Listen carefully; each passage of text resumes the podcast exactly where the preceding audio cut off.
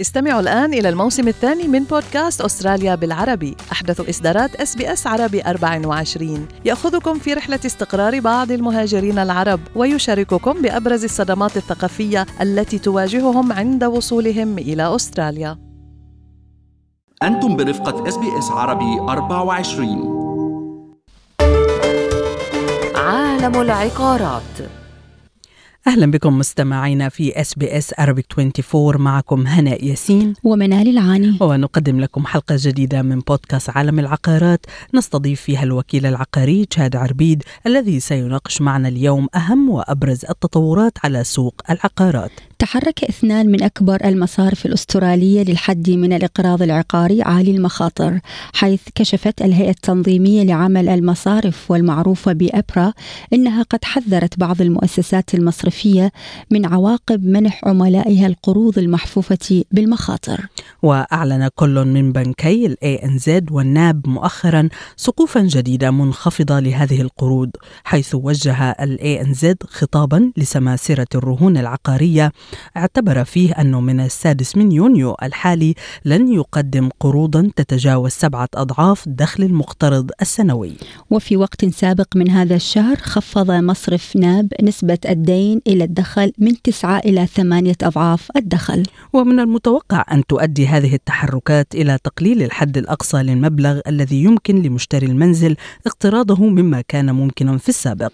ولقد ناقشنا تأثير هذه الخطوة على سوق العقار مع الوكيل العقاري تشاد عربيد الذي تحدث بداية عن إداء السوق بعد أول أسبوع من فوز العمال في الانتخابات وترقب الارتفاع المتوقع لنسبة الفائدة في الأسبوع المقبل. السبت الماضي شفنا أعلى عدد للبيوت المعروضة للأوكشن بأستراليا بعد ما كنا عم نشهد أرقام متدنية بآخر خمسه أو ست جماع أكيد بسبب الأعياد والعطل الرسميه اللي شفناهم وأكيد بعدها بالنسبة للانتخابات رجعت حط بيوتها للبيع.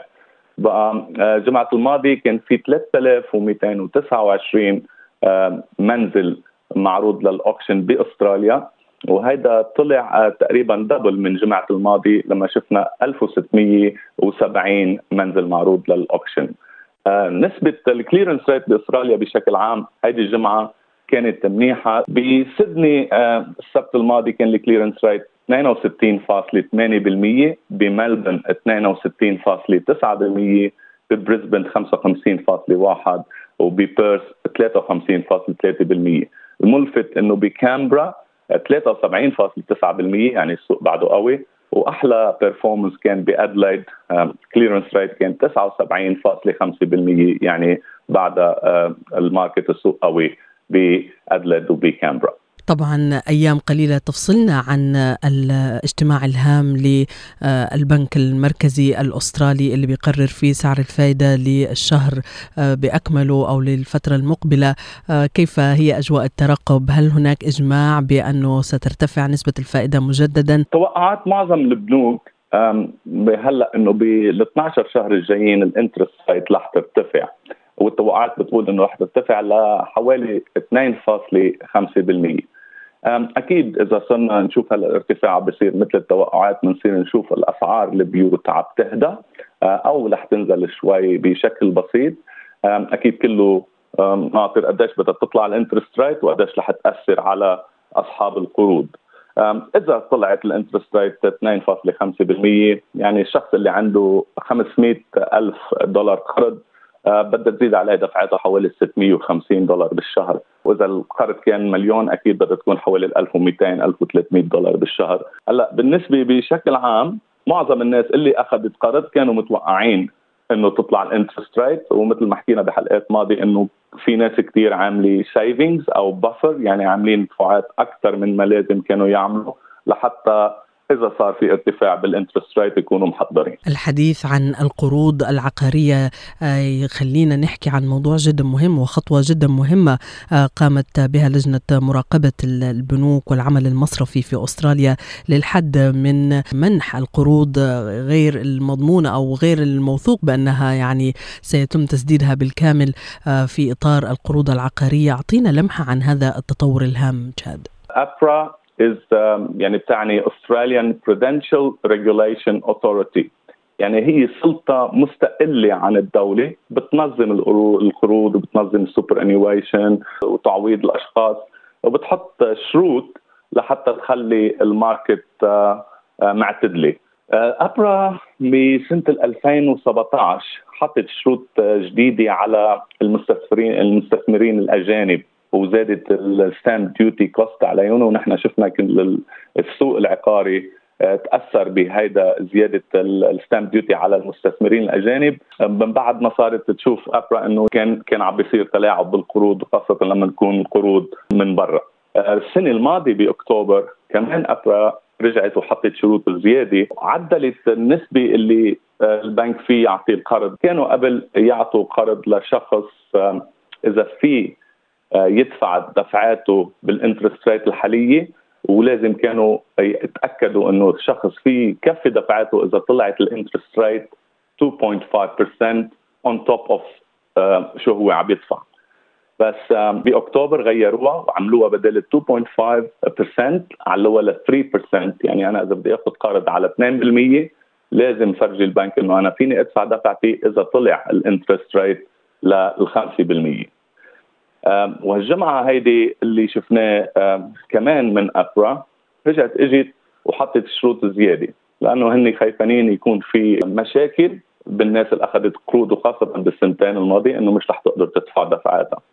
القانون بالبنوكي كان عادة إنه أو ابرا مش البنوكي ابرا شروطها بتكون إنه إذا واحد بده ياخذ قرض ما بده يكون أكثر من ست مرات من قيمة دخله السنوي يعني إذا أنا باخذ مئة ألف دولار بالسنة آه، فيني اتدين مبلغ لحد ال 600 ألف.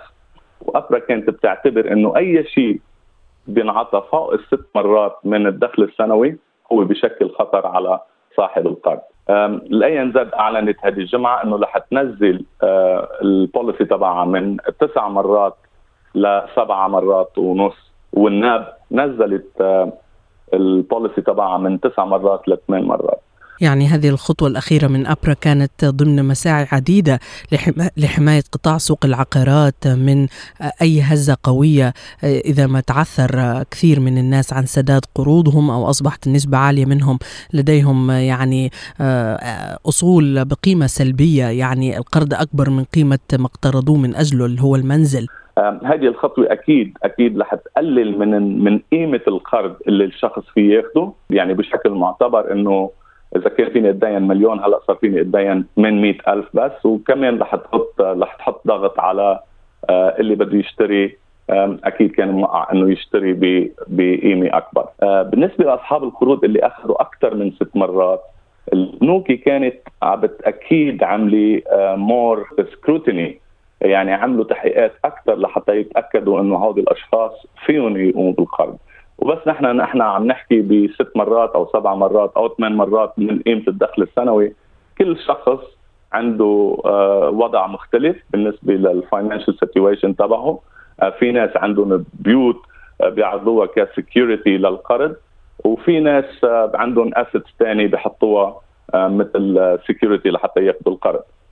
الناس اللي بدها تتضرر من هذا الموضوع هي الناس اللي آخذة قرض بس عندها negative equity يعني القرض اللي أخذته بالنسبة لهذا البيت هو أقل من سعر البيت إذا بنحطه لل market هلأ لنبيعه وأكيد هذا إذا نزلت اسعار البيوت بس تطلع interest rate هل برأيك آه هذه الخطوة سوف تزيد من هدوء آه البيع والشراء في سوق العقارات في الفترة المقبلة؟ آه أكيد هنا هذا الموضوع رح يأثر بالنسبة لقدرة قدرة القيمة الشرائية أو قدرة الشراء المنزل آه، بقيمته الجديدة بس كله كله هذا آه، بيرتبط بشغلة واحدة هي ال interest rate آه، معظم البنوك هلأ مترقبين شو بده يصير نهار ثلاثة الجاي لما ال RBA رح يجتمع ونشوف قديش بده يعلي interest rate معظم التوقعات بقول بده يصير في interest rate زيادة بس مش عارفين قديش. تقريبا يمكن 40 basis point رح تصير هالشهر بس ما حدا مأكد من هذا الموضوع.